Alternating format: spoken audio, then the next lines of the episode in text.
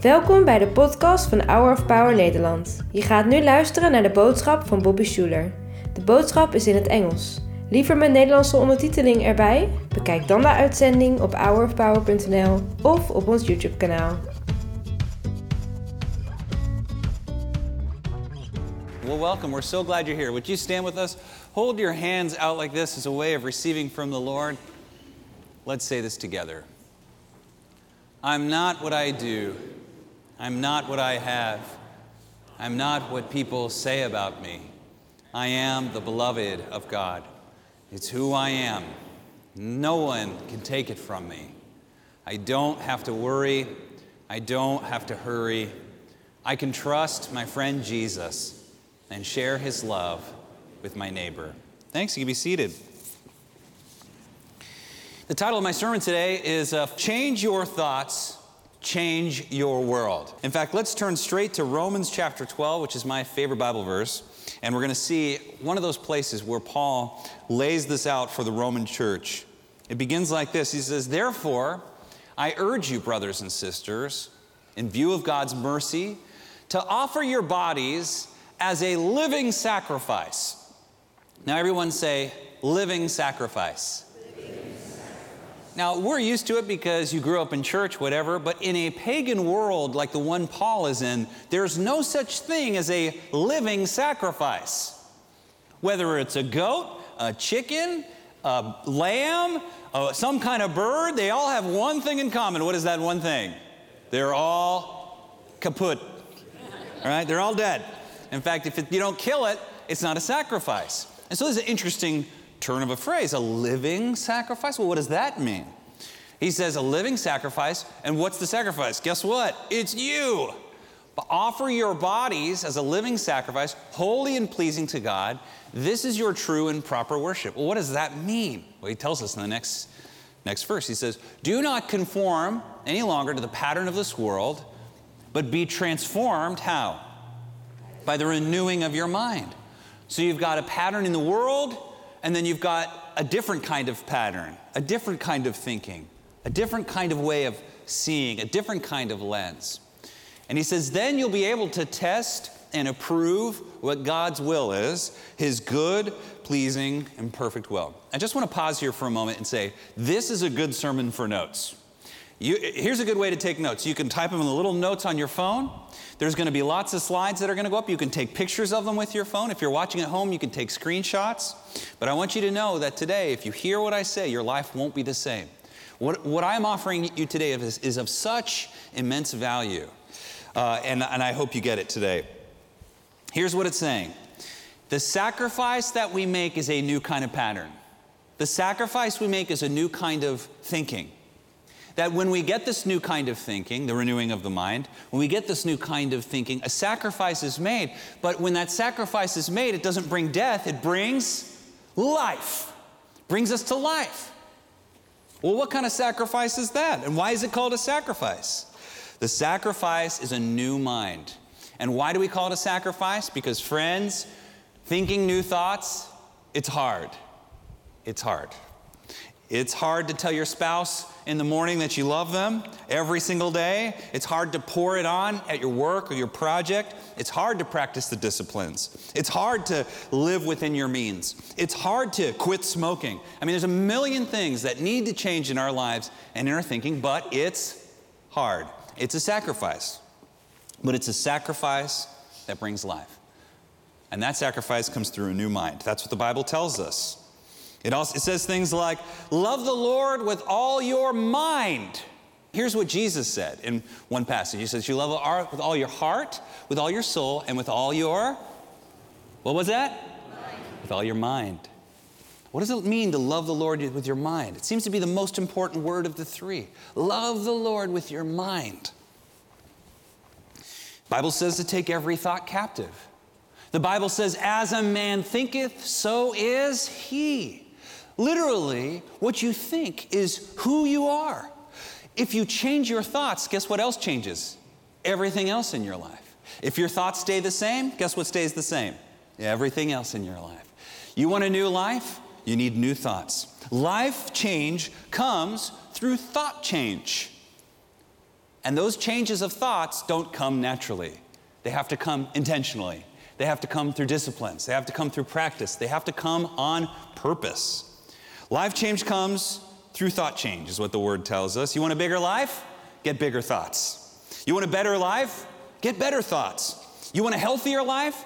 Get healthier thoughts. You want a more successful life? Of course you do. Get more successful thoughts, the kind of thoughts that successful people have. You want a godly life? I hope you do. Get godly thoughts.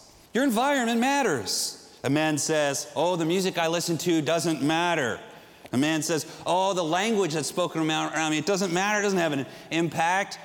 Guy says, Oh, the images I look at, the videos I watch, the movies I watch, the YouTube videos I pay, that doesn't matter. The people I hang around with, that doesn't matter.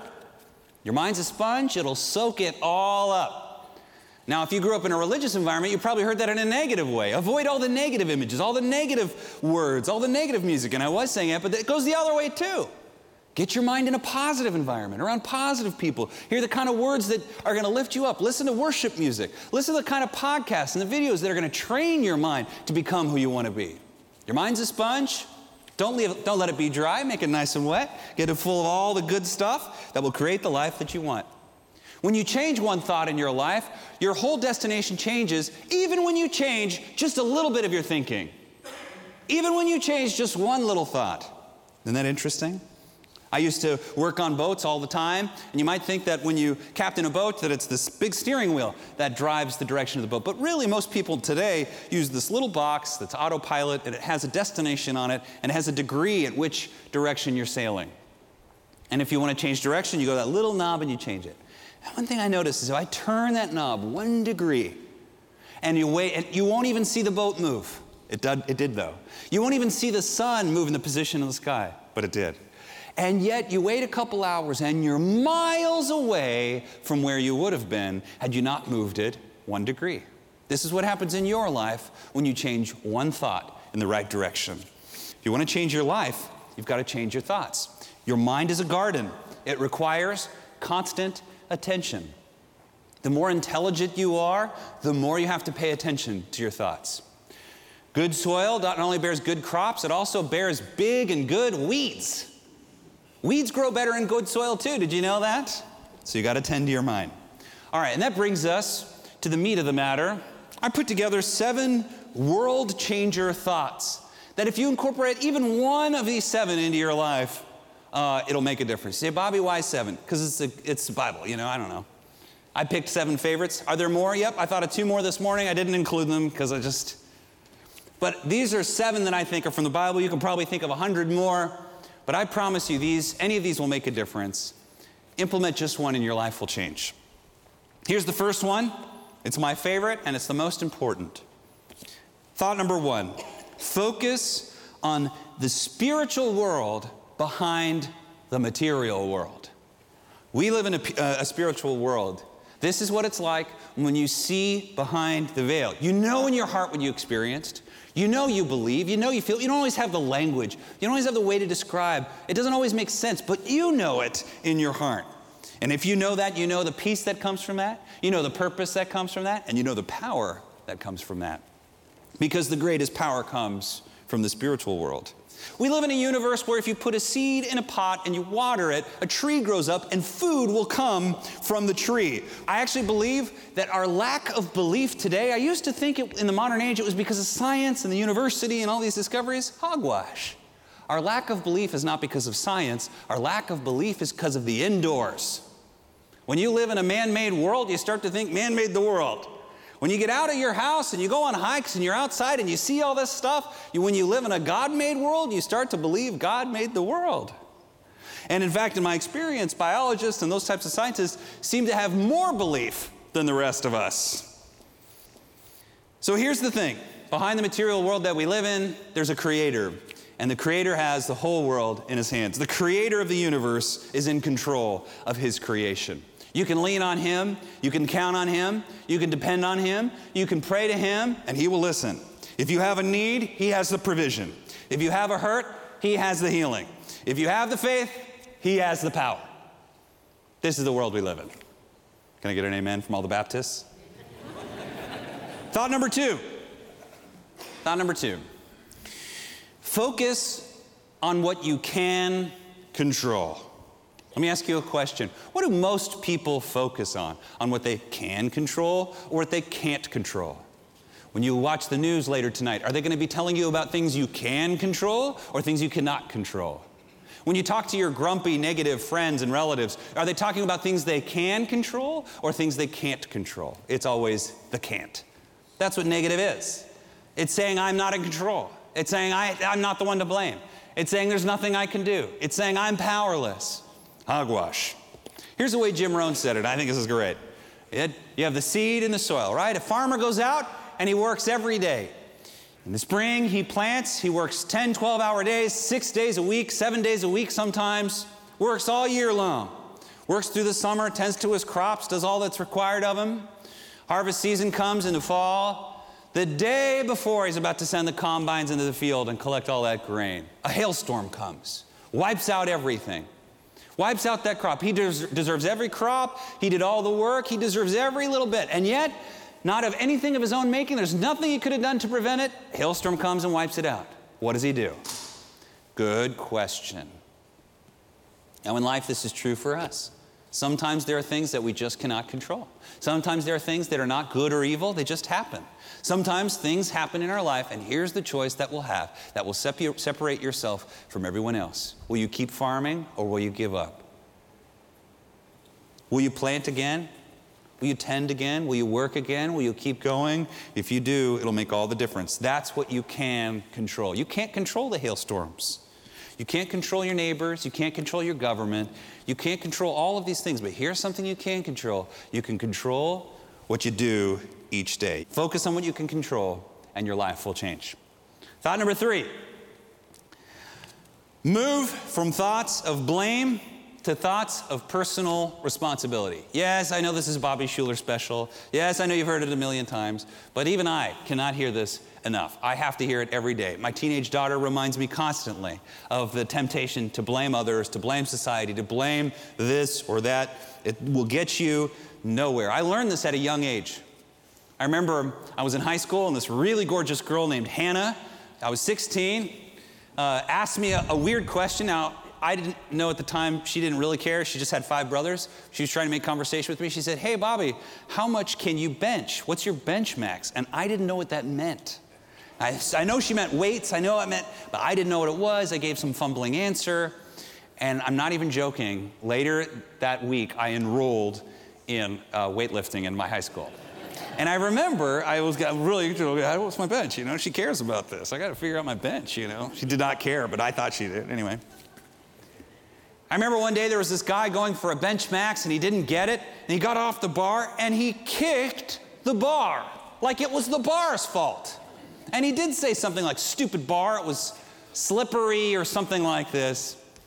Now, I learned in that moment it was not the bar's fault, it was the guy's fault. He wasn't strong enough. And he wasn't strong enough because he didn't eat right, he didn't put in the hours, he didn't get enough time, whatever. And he was embarrassed because we were all watching.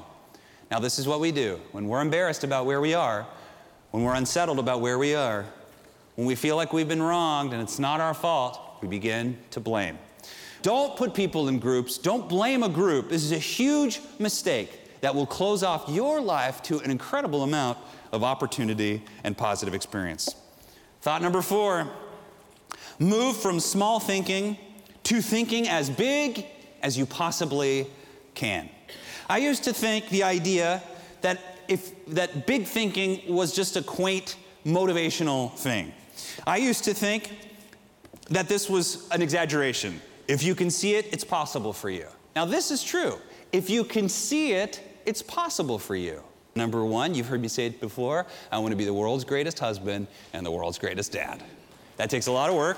And here's another thing I want to do I want to build a church full of world changers. Now, I don't need 10 million world changers. I don't even need a thousand world changers. How many world changers do I need? About 12. That's how many Jesus needed. If there are 12 people, of all the people that listen to me, if 12 become world changers, that's enough for me. Okay, so if you can believe it, you can do it. If you can believe it, you can achieve it. It's possible for you if you can see it. It actually is possible for you. And then you must judge how much time and energy you want to put towards it. Number five, assume the best about people until you are proved wrong. Some people assume the worst until proved right. That's not a good way to go about life. Everybody deserves respect until they lose it. So assume the best about people until they prove you wrong. Change your thoughts and you'll change your world. Change your thoughts about people and you'll change the kind of behavior that those people have, even. If you see the best in people, they're going to give you the best. If you see the worst in people, they're going to give you the worst. You remember your parents, don't you? When they saw the worst in you, you gave them the worst. When they saw the best in you, you gave them the best. That's it. That's it. It's so true. So forgive people. Don't hold a grudge. God is not holding a grudge against you. Number six, here's a good thought move from embarrassment to working to walking in grace. Now, I had the word shame there, but I think embarrassment fits better because so often we feel embarrassed. Confidence does not come from pretending to be confident. Confident comes from competence. It comes from getting better. And competence comes from trial and error. So if you want to get better at something, you have to be willing to be a little embarrassed at first because nobody comes out of the womb being good at anything. Nobody comes out of the womb being good at piano or good at driving. You remember driving? And I remember watching my sister, and she would do her makeup while, like, driving with her knee and, like, listening to music. And I remember when I first started, I thought, how on earth did she do that? And now I do it with my In and Out and my Diet Coke. Yeah? But at first, I was embarrassed the way I started driving. You remember what it's like learning something. If you want to learn things and you want to do them in the world, real world, you have to be okay that sometimes you're going to be a little embarrassed. Sometimes you have to bluff your way through things a little bit. Sometimes you just have to try.